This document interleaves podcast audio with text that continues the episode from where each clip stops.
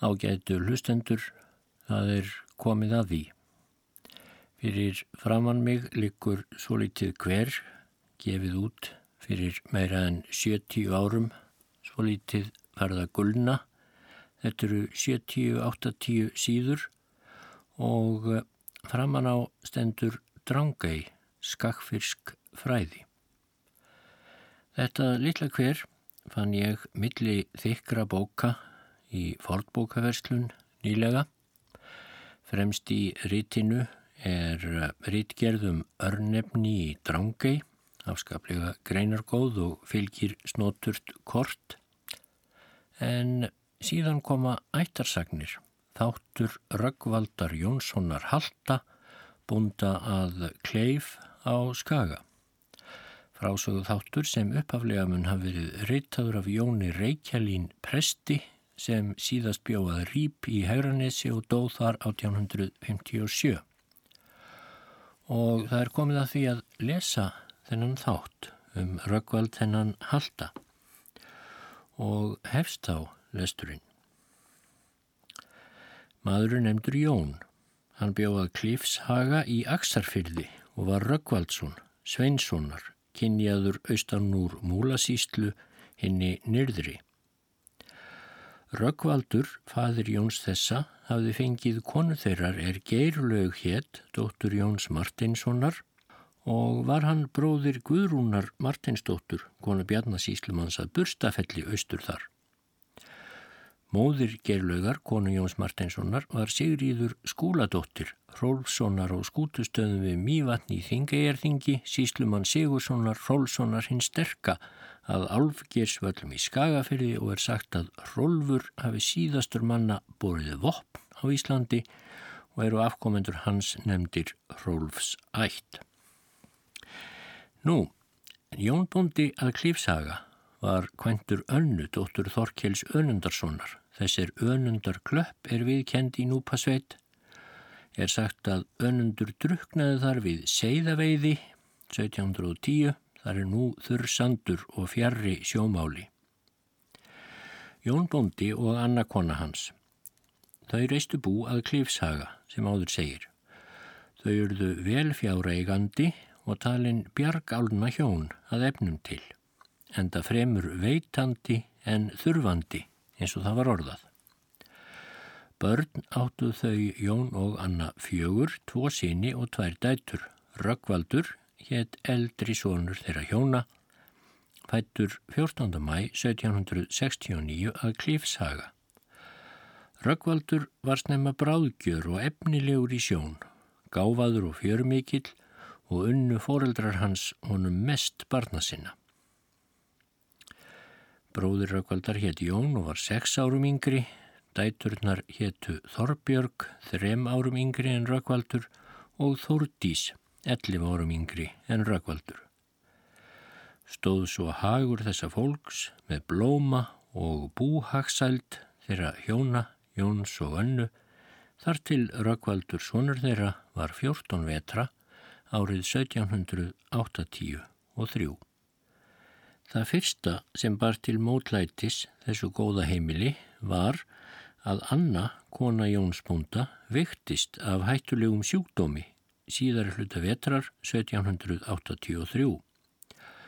Kalluðu menn sjúkdómin nýrna gulu var þó þá að fara frá heimili sínu, yfirgefa mann sinn, börn og bústjórn til að leita sér lækninga var annars svo til næsta hausts ímist hjá Jóni presti að gardi í keldukverfi, Sigur sinni, eða hjá öðrumanni ónemdum og var þó ekki til annars en kostnaðar, en það var engin reyndur nýja dugandi læknir þar í nákrenni að leita til. Varð þá Jón Bóndi á meðan að taka sér bústýru sem reyndist miður fallin til þeirra starfa en þurft hefði að vera en það gengur þá að fleiri óhöpp í búrækstrinum. Átta bestu kvíærnar töpuðust frá málnýtugagni um sumarið á svonundu undirhlaupi. Þá var bæði grasvöxtur og heianýting þar í sveit með bágasta móti og hei reyndust skeppnum beinlínis banvæn veturinn eftir. Sú óáran orsakaðist eiginlega af svo kallaðri brunamóðu sem undir Jónsmessu þá um sumarið 1783 vall úr skaftarjökli og eitraði gras og fjell því fjenaður um land allt. Veturinn næsti eftir var þinn grimmasti, engum eftir nýjár 1784 með mestu hafísalögum, langsömum, stór kavalds, ríðum og frostbitru, svo gjörvallur fjenaður Jóns Bonda hrundi nýður um veturinn og engum um vorið, eins og varð hjá meðalbændum og þeim efnaminni. Einstaka ríkisbændur og mektarmenn heldu hins vegar tölverðum bústofni eftir. Tveir voru þvílíkir bændur þá í Aksarfyrði. Harðindin voru meðal annars því valdandi að ómögulegt varð að ná matvöru frá Húsavíkur kauptúni og þegar loks tók fyrir snjókaföldin og snjóþingslin þá afskáru vatnavextir þann bjargar útveg. Nú er maður nefndur Þorgrymur og var kallaður hinn ríki. Hann bjóðað skóum í Aksarfyrði. Þorgrímur var kallaður maður kaldlindur og einrætt í skapi. Kona hans hétt Þórun, hún var hins vegar góðhjörtuð og vel að sér um margar hluti en let þó ekki til sín taka. Þorgrímur bondi var auðmaður mikill og hafi lengi um sig búið. Skorti hann þá ekkert nema hei fyrir fjenaðsinn, hinn mikla, en það gengur harðindi þessi svo á Þorgrím að hann varð aldrei síðan með sjálfum sér og að lyktum andaðist hann. Þórun, kona Þorgrims bónda í skóum, hafði verið í vináttu við hjóninn að kleifsaga og hafði hún haft sérstakar mætur á röggvaldi, síni þeirra. Nokkru áður en Þorgrimur bóndi dó, þá kom Jóni bónda í kleifsaga til hugar að hitta Þorgrim hinn ríka og gerur hann sér ferð til hans við þorra lok um veturinn byður Jón Bóndi Þorgrim Bónda fulltingis sér með matarlán meðan ekki varð náð til annara útvega og uh, hvaðst Jón myndi gælda lánið aftur, slíkt er framlagt yrði og þó enn heldur verð út í hönd fyrir matin. Þorgrimur Bóndi hvaðst eiginmundu verða aflögu fær um það harðindunum leiki, vil ég þó eigi að þú farir að öllu erindis leysu sagði Þorgrimur, og máttu færa hingað eitthvert barna þinna til dvalar um hríð. Þórun húsfreyja lagði til að þetta barn skildi vera röggvaldur vinnur hennar. Þakkar Jón bóndi þeim hjónum slíkan velgjörning og bað þau hamingju fyrir að njóta. Hugði hann þá að síni sínum myndi þetta að fullu hlýta hvað sem hínum börnunum mætti að kvarf verða snýra nú heimáleið og segir konu sinni hvað komið var hjá Þorgrimi bonda. Anna kona Jóns láð þá oftast við rúmið og var þungt haldinn af sjúkdómi þeim sem áður var nefndur. Hvað Anna að svo búið myndi verða að standa á milli þeirra bændana það sem ráðið var, en heldur hefði ég kosið þetta fóstur fyrir Þórdísi dóttur mín eða Jón són minn en Rökkvald, segir hún. Ég efa þó í engu góðvilja þórunnar húsfreyju, hvort badnið sem er, en að þorgrými bonda gest mér á annan veg.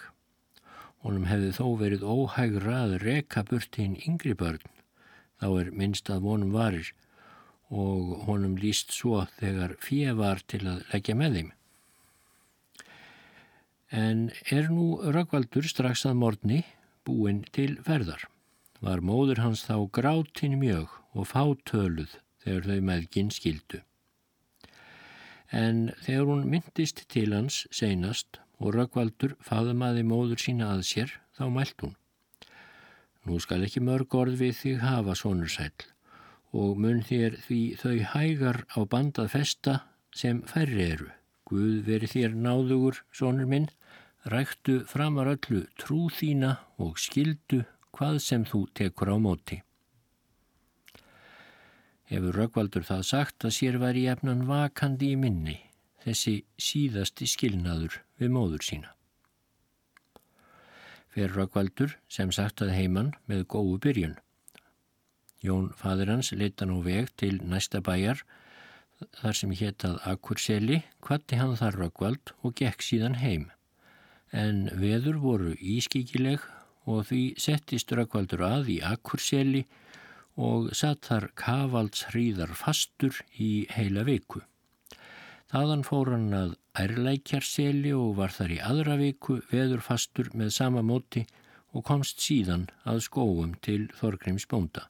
Voru harðendin öll þá hinn grimmustu. Þorgrímur bóndi let þá á aðeins tveimur dögum farga tveimur kúm, fjörutíu ám og þrjáttíu lömpum. Eftir átti hann þá þrjár kýr og nöyt, auk fjölda söðfjár. Skipti hann úr söðfjö sínu og sendi vinnumann sinn með það bjargarlegasta upp í núpasveit til að ganga þar til haga upp á tvær hættur að halda því Þar jörð var þar til beitar en hið lakara af söðfjennu var heimað skóum. Let hann Rökkvald standa hjá söðfjennu þegar gaf út til beitar og fór svo fram um hríð. Það er nú af Jóni Bonda, föður Rökkvaldar að segja, að hann fellir fjenað sinn allan, söðfje og kýr um veturinn og vorið, nema tólf ær sem voru skildu kúgildi jörðarinnar og ætlaði hann að reyna að dragast af með það eftirleiðis. En þegar minnst að vonum varði þá sendi jarðar umræðandin eftir þeim kindum sem eftir voru en það var presturinn þeirra og vildi hann sjálfur bjargast við ærnar. Flutti þá Jón Bondi og fólk hans frá Klífsaga sem þar með fjall í eiði. Jón flutti að Gilsbakka í sömu sókn Þar voru lítil hús og því hlýrra og gáttu þau heldur varist þar mesta kuldanum þá um vorið. Það var eitt sinn er Röggvaldur var heimkomin að kvöldi dags frá söðfjö í skóum og var hann sestur að máltíð. Gengur þá Þorgrymur bóndi til hans og meldi Ég get sagt er nokkuð í fréttum maður. Nú er hún Anna og Gilsbakka döið en það var móður hans. Röggvald setti hljóðan með gráti þegar honum var kynnt svo ráslagalega andlát móður sinnar. Hann hætti að matast og gengur út til að harma móður sína einhver staðar afsýðis, likjandi. En Þorgrymur bóndi kemur þangað og rekur hann og fætur og inn í bæi aftur með nokkrum harðanesku og skapsmuna orðum. Röggvaldur þorir ei annaðin upp að standa, fer þá og leggst inn í skálarúm og grætur þar enn meir en áður. Þórun húsreia verður þessa vör og gengur þangað og lætur vel og mjúklega að honum sem barn hennar væri. Byður hún hann að huggast og segir að hann muni ei verða þaðan rakin ef hún fái einhverju ráðið. Og við þetta restist Röggvaldur mikið um sinn. Nokkru síðar, í vikunni fyrir kvítasunnu, þá var nokkuð farin að mýkjast veðráttan. Var það á einn morgun að Þorgrymur bóndi er snemma á ferli, eitt góðan veðurdag, og skipar hann síni sínum og vinnumanni að fara upp í núpasveit til að sækja þann mann er fjárin skemdi þar og það sem þá lifði eftir af söðfjennu sem þangað hafði verið rekið og hvað Þorgrymur að Röggvaldur skildi fara með þessum mönnum. Þorgrymur bóndi heimtaður um mat þeirra sem fljótast af Þórunni húsfreyju konu sinni. Ætlaði hún að Röggvaldur ætti að hjálpa til með söðfjöð þanga til þeir gengu úr gardi og bóndi skipar henni þá að bera út það sem Röggvaldur hafði komið með þangað af fatnaði og hann væri ekki þegar komin í en byður hún nú bonda með allri alúð um nokkurt framhald á vist rökkvaldar þar á bænum. En Þorgrymur bondi þverneitaði því hvernig sem kona hans grét og baðum þetta. Hlaut nú að vera sem bondi vill og drengurinn grátandi hveður hana á þess að hún gæti þá gefið honum annað með sér í það sinn en það sem honum hafi verið skamtað um morgunin. Hafði hann þá dvalið að skóum á þrettándu viku alls. Líkur svo leið þeirra saman þryggja upp yfir Östursand en færðinni var þá háttað svo þar að snjóvatn og krapi var í hnið og mitt læri að dýpi. Var svo alltaf sand á, en yfir hanna voru þeir fluttir á báti. En þá voru þeir komað núpi, Ístabæ í Aksarfyrði, þá skildu leiðir þeirra. Röggvaldur fór fram að Gilsbakka, fimm bæjarleiðum fjær. Var hann eftir á núpu um nóttina, var þar heimilið bjargþróta og stóði í fluttningi út í núpasveit. Þegar hér var komið frásögunni þá voru tíu bæir komnir í auðn í Aksarfyrði og flest fólk dáið á þeim öllum en það sem eftirlifði var döðvona fyrir megurð og hungur. Gat nú enginn fyrir vatnaflóðum fyrir ekkar en snjóþingslunum áður farið frá hýbílum sínum til að leita hælis í öðrum sveitum. Máttu því nálega deyja hver þar sem hann var komin fyrir því að Aksarfjörður var allavega umgirtur stórum vassföllum og fjallvegum ekki skemri veg en þingmanna leið. Dregs nú Röggvaldur leið sína fram að Gilsbakka til heimilis foreldra sinna eða föður síns öllu heldur, þar eða móður hans var jú látin, og þangað kom hann að miðjum aftni síðdegis. Og er hann nú gengur fyrir opnar skemmudir á bæjarhlaðinu, þá sér hann þar standa líkistu inni.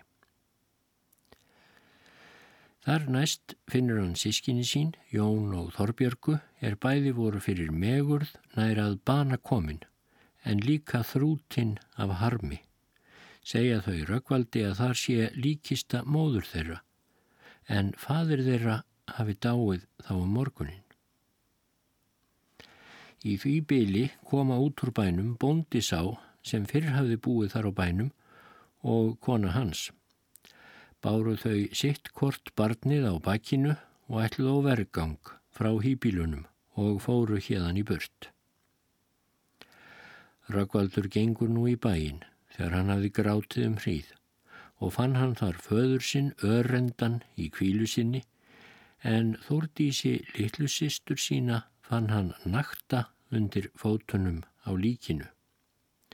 Má því næri geta hvað sjón þessi með hungrinu hafið þrengt að börnum þessum engum rökkvaldi sem elstur var orðin og barnana vit mestur. Þegar hann sá börnunum engan lífsveg en hörmung eina hvarvetna. Fekk Röggvaldi þá svo mikils hið óurlega böl þetta allt að hann negi í ómegin. En þegar hann raknaði við, las hann bænirnar sínar og bað Guðu líknar af öllum alhuga. Fól hann sig þá á hendur Guði föður og þau sískinni sín. Þá er hann nokkra stund hafði svo heitt beðið, þá var sem hann styrtist allur við að því er hann sagði sjálfur síðar frá en það var hann jafnan trúmaður mikill og velviti borin. En svo hvað hann sig mikill hafa langað til að deyja, jafn mikill og hann áður fýsti að lifa, því vísan þóttist hann sjá hungur döðan fyrir þeirra allra sístkinnanna. Þó varðunum það næst fyrir að hugreista sískinni sín sem bestan kunni og tók síðan Þórdísi, mærina, undan fótunum á líki föður síns. Lagði hann þá líki til og veitti því nábjargir. Því næst býr hann um þau öll sískininn í einni kvílu og nærir þau á máltið þeirri sem honum hafði síðasta morgunin vel gefin í skóum. Hafði hann borið hanna með sér jafnan síðan og engu af henni eitt nýja notað sjálfur eftir að hann vissi sig burtrekin frá Þorgrimi búnda.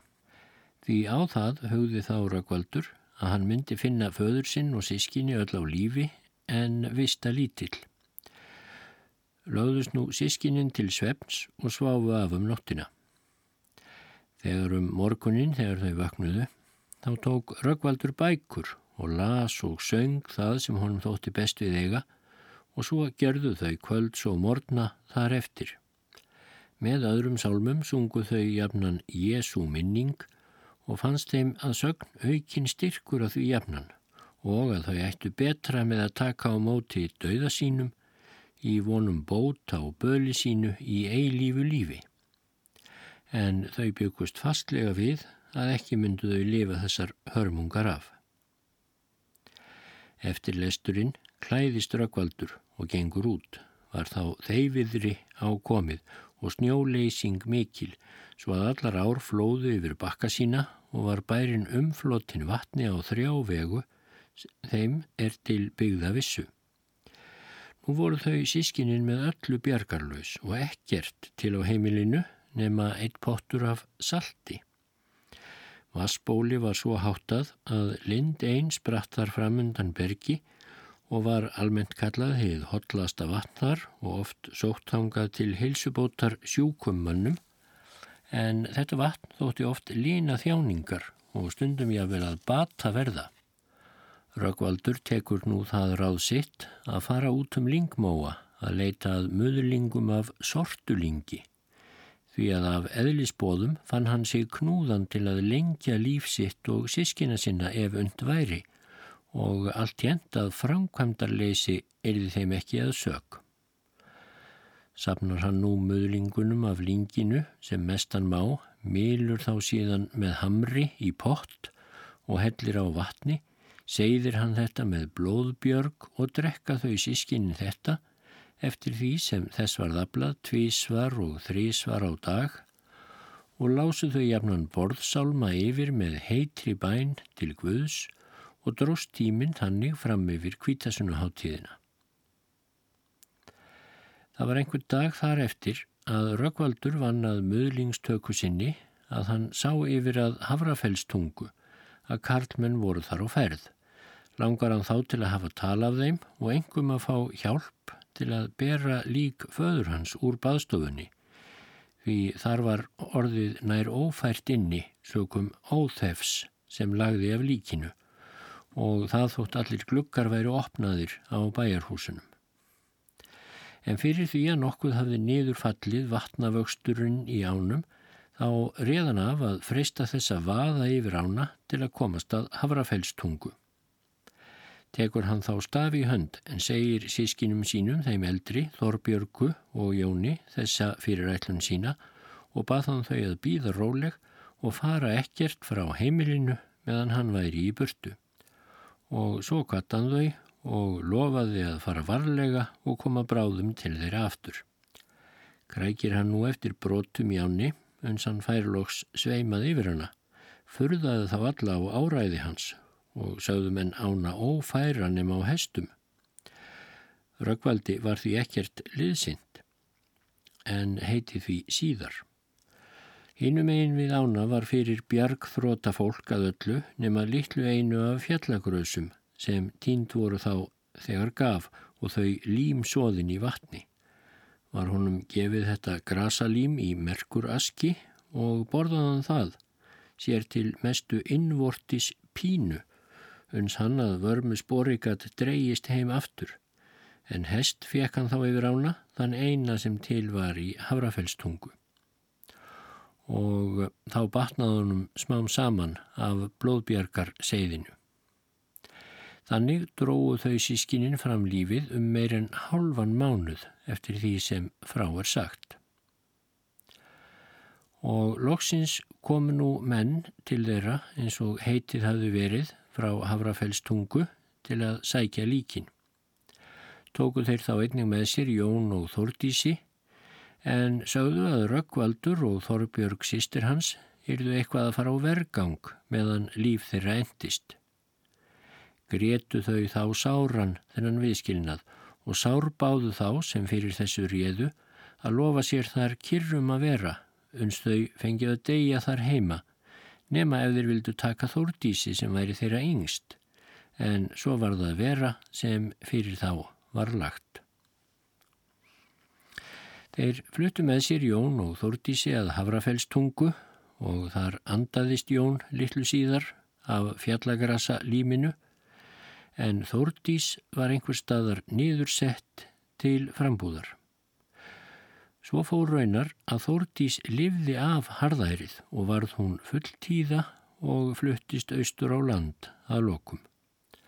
En það er af hinnum sískinunum að segja þeim Röggvaldi og Þorbjörgu, að þau fóru í umhugsunarleysi af stað eftir að Röggvaldur hafði tekið saman það sem fyrir mætt gatt heitið í bænum og komið því undir læsingu.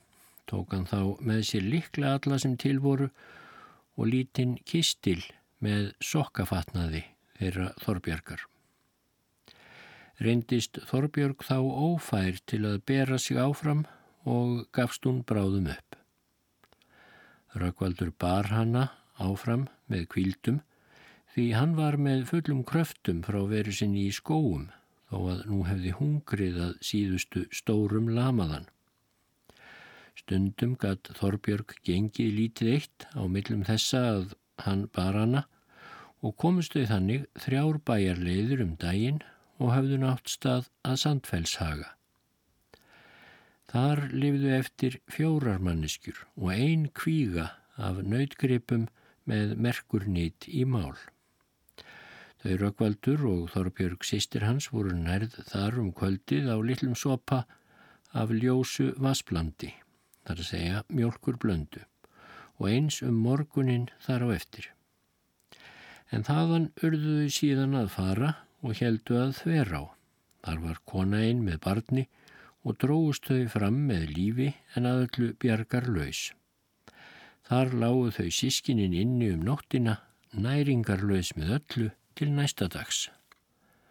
Morgunin eftir var gott veður með froststyrningi og lítilfjörlegri snjófjúks muggu.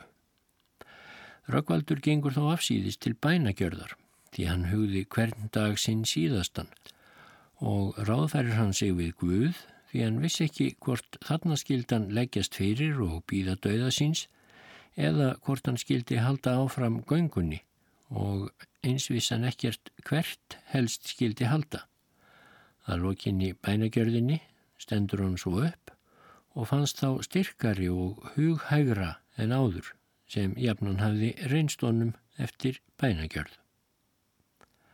Rökkvaldur var fríður sínum skarp vitur og fljótur til úræða, þreklega vaksinn, lágur og gildur, heilsurhaustur og efni í einhvern þann frábærasta fjörmann, ókvartsár kappsamur og fylgin sér, engar trúr og þólinnmóður í hverri raun, brjóstgóður, nákvæmur, glað og þýðlindur.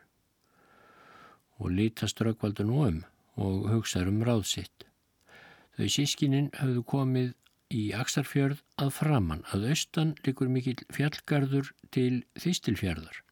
Að norðan er Núpasveit og þangað er langur vegur þeim megin og með öllu ófær þeim sem svo er á sig komin sem þau sískinin voru þá en það voru þau þar á ofan ókunnug á þeim slóðum.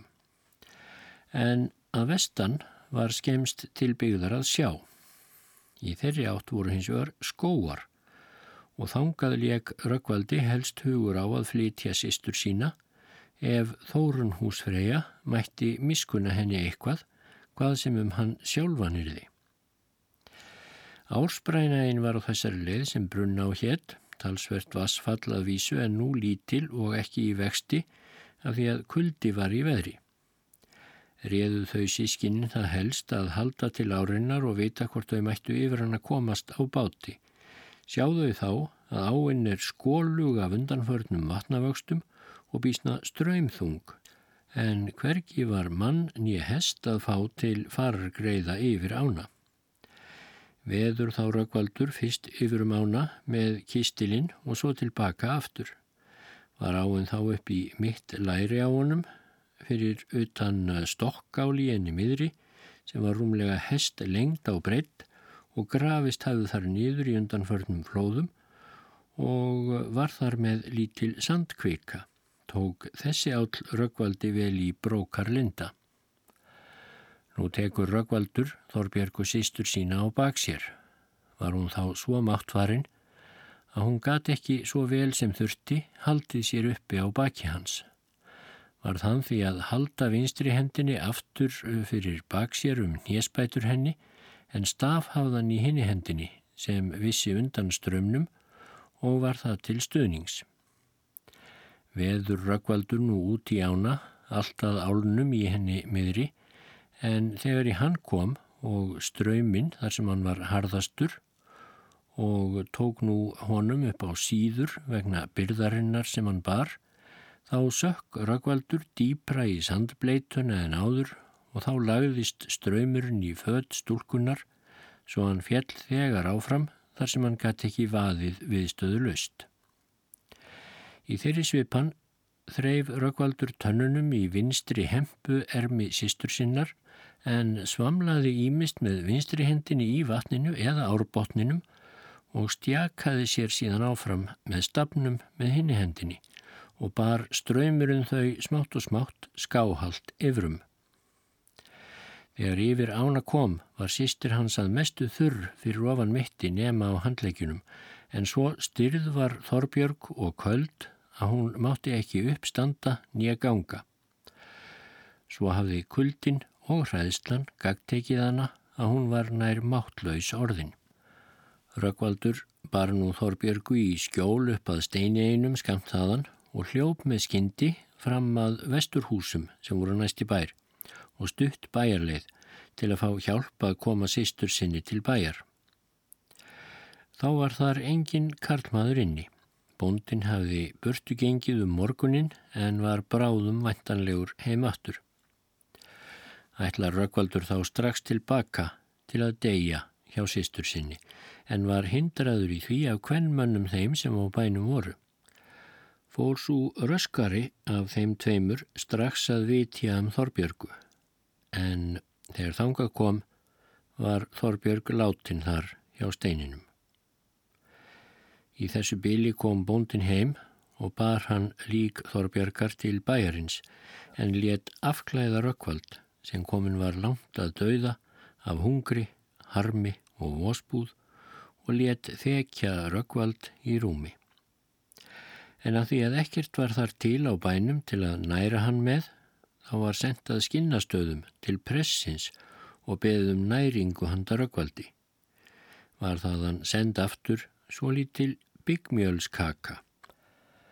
Hún dögði til að röggvaldur lifði af nóttina og skreið daginn eftir fram að skinnastöðum fekk hann ekki að vera þar næstu nótt. Þó voru hann gefin lítilfjörleg máltíð af rockkjelsakvelju og þess áttar beinarrafl sem einhver hafi leift. Í staðin fyrir þessa svo kalluðu máltíð þá heimtaði presturinn á skinnastöðum af Rökkvaldi alla likla að hyrslum þeim sem til voru á gilsbakka og þorði Rökkvaldur að kjanna þenn sleppa liklunum í hendur prests fekk hann liklana aldrei síðar eða svo mikið sem eins hárs virði af eignum þeim er foreldrar hans létu eftir sig og fóru eigurnar líklega til útfararkostnaðar foreldra og sískina hans og svo til uppeldis með þórdísi sístur hans.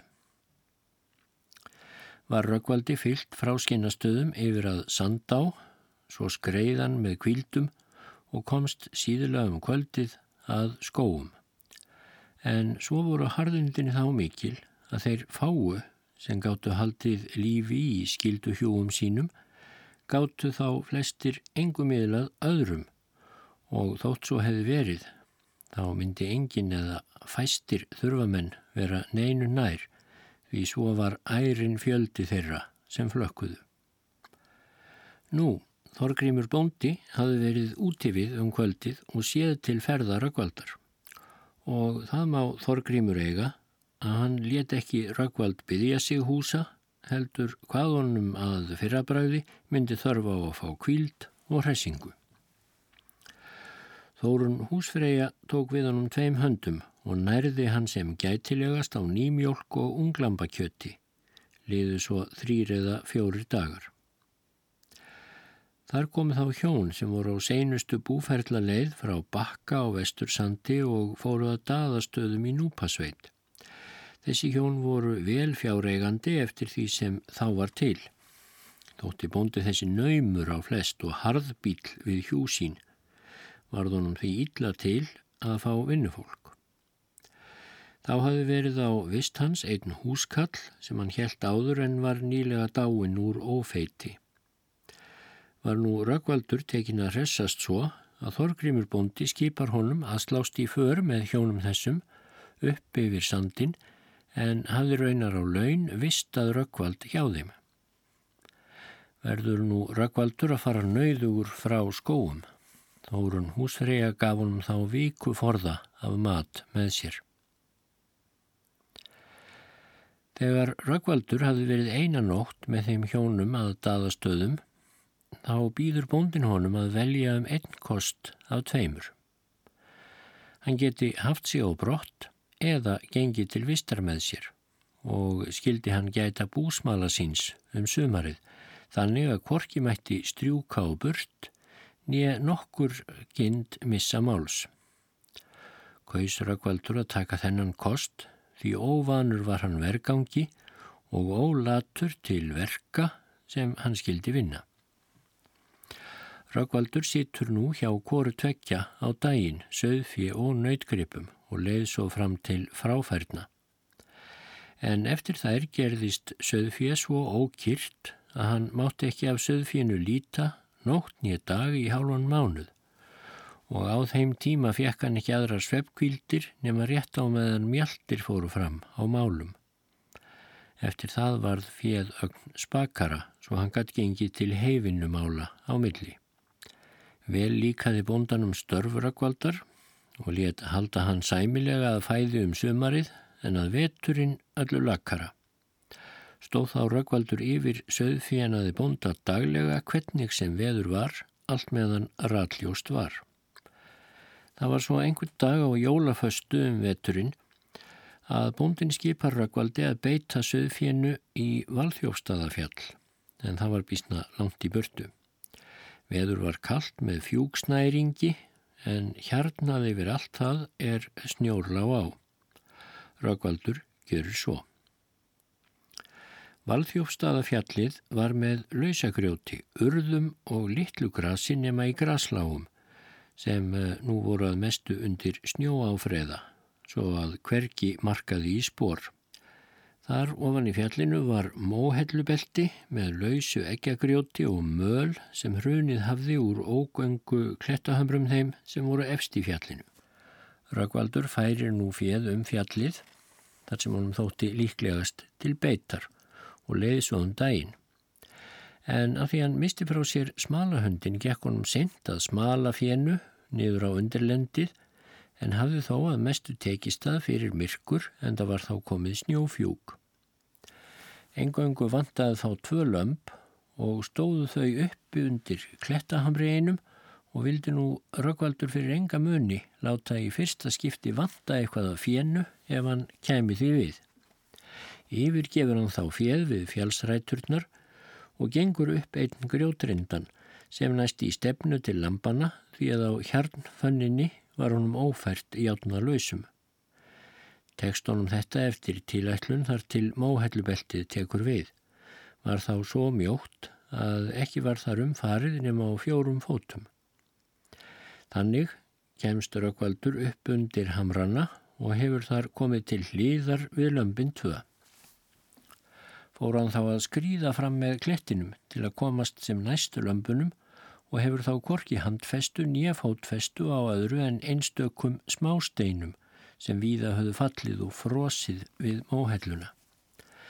Var þetta einn mesta glæfra för en það sá hann nú tví sínu á að halda áfram og vildi því brátt snúa við aftur. En í samabili losnaði steinmóli sá sem hann hafði haldið sér á svo hann rapar þegar óðfluga niður allt fjallið. Fann Röggvaldur það seinast til sín að honum flegði sem smákökli ímist að eða frá niður fjallið. Hafði honum orðið það til lífs að hann hafi runnið niður hjarnfönnina á milli grjótrinda og var því óbrotinn. En loks raknar hann við niður á undirlendi fjallsins og var þá komið náttmyrkur. Röggvaldur vissi ekki hver lengi hann hafi leið í öngviti vill hann nú standa upp, en getur það ekki vegna svima og lagðist í niður aftur. Gekk svo nokkrum sinnum. Reyndi hann að ganga hvað eftir annað, en ímist skreiðan að lokum eða fetaði sig áfram og gæt með því móti komist til næsta bæjar. Var honum þaðan fyllt heim um nóttina, söð fjár lausum. Húsbóndi hans var ekki hýr í bragði heima fyrir vegna þess, en þó fannst fjöð allt og skattað morgunin eftir. Þegar Rökkvaldur sett í stað heima fyrir, bar hann ekki af sér fyrir meðslaverkjum í öllum líkamannum, en þó línaði það nokkuð og hann bólnaði allur þegar fráleið. Lá hann við rúmið í halvan mánuð. Þó var þann alheitlað líktum en aldrei síðan hafði hann þólað að sjá brattlendi fyrir ofan sig síðar nefn hann fengi svima yfir höfuð sitt og svo hefur hann sjálfur frá sagt að aldrei síðan hafa norðið jafn minniskóður á eftir eins og hann hefði verið áður og þykir hann þó hafa kortvekja í góðu lagi. Þegar líða tók á veturinn vildi hreppstjóri Núpsveitunga láta húsbóndarakvaldar segja honum upp vistinni að vorinu vegna þess að hann væri þar ekki sveitfastur. En uh, bóndin skildi heldur taka einhvern af fjölda innan sveitarmanna sem voru þá full aldra og vergangi en fengu hverki vist. Bóndin let sér þetta vel líka og tók annan fullorðin mann í staður aukvaldar um vorið og var sagt að sá væri sveltur í meiralagi en það var þó víst að sá maður andaðist fyrir jól hinn næsta vetur á eftir. En þegar svona var komið um vistur og kvaldar þá leitað hann fram í Aksarfjörð aftur og komað skóum í efstu viku fyrir kvítasunnu. Þar var hann fáar nætur um kyrt. Dægin eftir háttíðina lætur Þorgrímur Bondi byrja tún ávinnslu segir þá Þórun Húsfreyja að Rökkvaldur skuli farað verki með öðru fólki og fær honum svo verkfæri. Þau Þorgrímur Bondi hafði undanfarna daga átt eitthvað tal saman um vist Rökkvaldar þar á bænum og henni þótti ekki örvænt að svo myndi ráðast um það sem hún vildi hversu lítið sem Bondi hennar tók á því að láta hana nokkuru ráða. Þá er Rökkvaldur hafði litla stund að verki verið kemur Þorgrymur bóndi þar og skipar honum að hætta þegar verki og hafa sig á burt. Röggvaldur gengur heim og segir húsfreyju orð bónda. En hún hvaðst nokkru mundur ráða um þetta og segir skaltu að vísu taka til sama verknaðar á ný. Og fá ég þess ekki að ráða þá skal Þorgrymur í einhverju gjalda einræði síns og yllgirni til mín. Og vist er að ég fæ honum þar sem þú ert, hollar að hjú en hvert annað það sem hann heldur sjálfur. Og Rökkvaldur segir þá, gjöra má ég þetta eitt sinnað þínum orðum, en ekki líst mér einn veg og þér að þið bondiðin deilið kappi um vist mína. Hversu gott sem mér þykir með þér að vera, þá skal eið því líkt vandræði af mér hljótast. Enda mun einhver annar nýta mína vinnu áður en margar stundir líða, svo ég far ekki á vonarvöl, og heldur gengi ég hérðan strax í dag en að bonda líki stórítla við þig mín vegna. Gengur Rökkvaldur að svo meldu út á túnið á ný og tekur þar til verks aftur. Innan stundar kemur Þorgrimur bondi og ávarpar Rökkvald með nokkrum óþægðar orðum og tekur af honum verkfærið. Snýr Rökkvaldur við það heim til bæjar og hveður Þórunni húsfreyju. Let hún þá í malpoka hans matarforða sem endast skildi fram yfir háttíðina og skilja þau síðan þó báðum værið að þungt. Röggvaldur gengur þá upp að Akurseli og fekk að vera þar um kyrt hinn fyrsta kvítasunnudag. Á annan dag háttíðarinnar fer hann með heimafólki til messu að skinnastadi kirkju.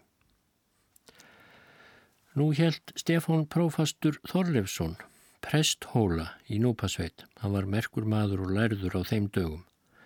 Mælti hann á latínu, eigi síður en íslensku, skáldvaran en kappgjarn, einarður og let ógjarnan hlut sinn fyrir neinum manni.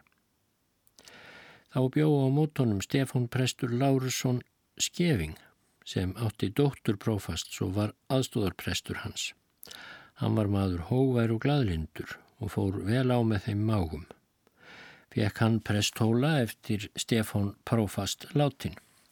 Rökkvaldur kom til Prófasts á þriðja degi háttíðarinnar og fær þar gistingu. Dæin eftir byður prófastur Röggvald að ganga með manntalsþingbóð út á melrakasléttu því tími var orðin tæpur til þingsins en sveitir voru nú all strjálbyggðar svo tvísína var á að bóðið kæmist alla bóð leið en þá voru 15 bæir í auðun á þeirri leið sökum harðæris. Fór Röggvaldur ferð þessa sem fyrir hann var lagt og kemur aftur til presthóla að þrem dögum liðnum. Prófastur byður hann þá að koma á vist til sín og tók Röggvaldur því seinlega því hann hafði það spurt að prófastur hefði ráðið tvo menn til sín hvern eftir annan þetta sama vor en síðan rekið báða burt aftur sinn fyrir hverja vangá. Hjælt því Röggvaldur að verða mætti að sér myndi slíkt afreiða en let þó vera sem prófastur vildi og reði sig í vistina.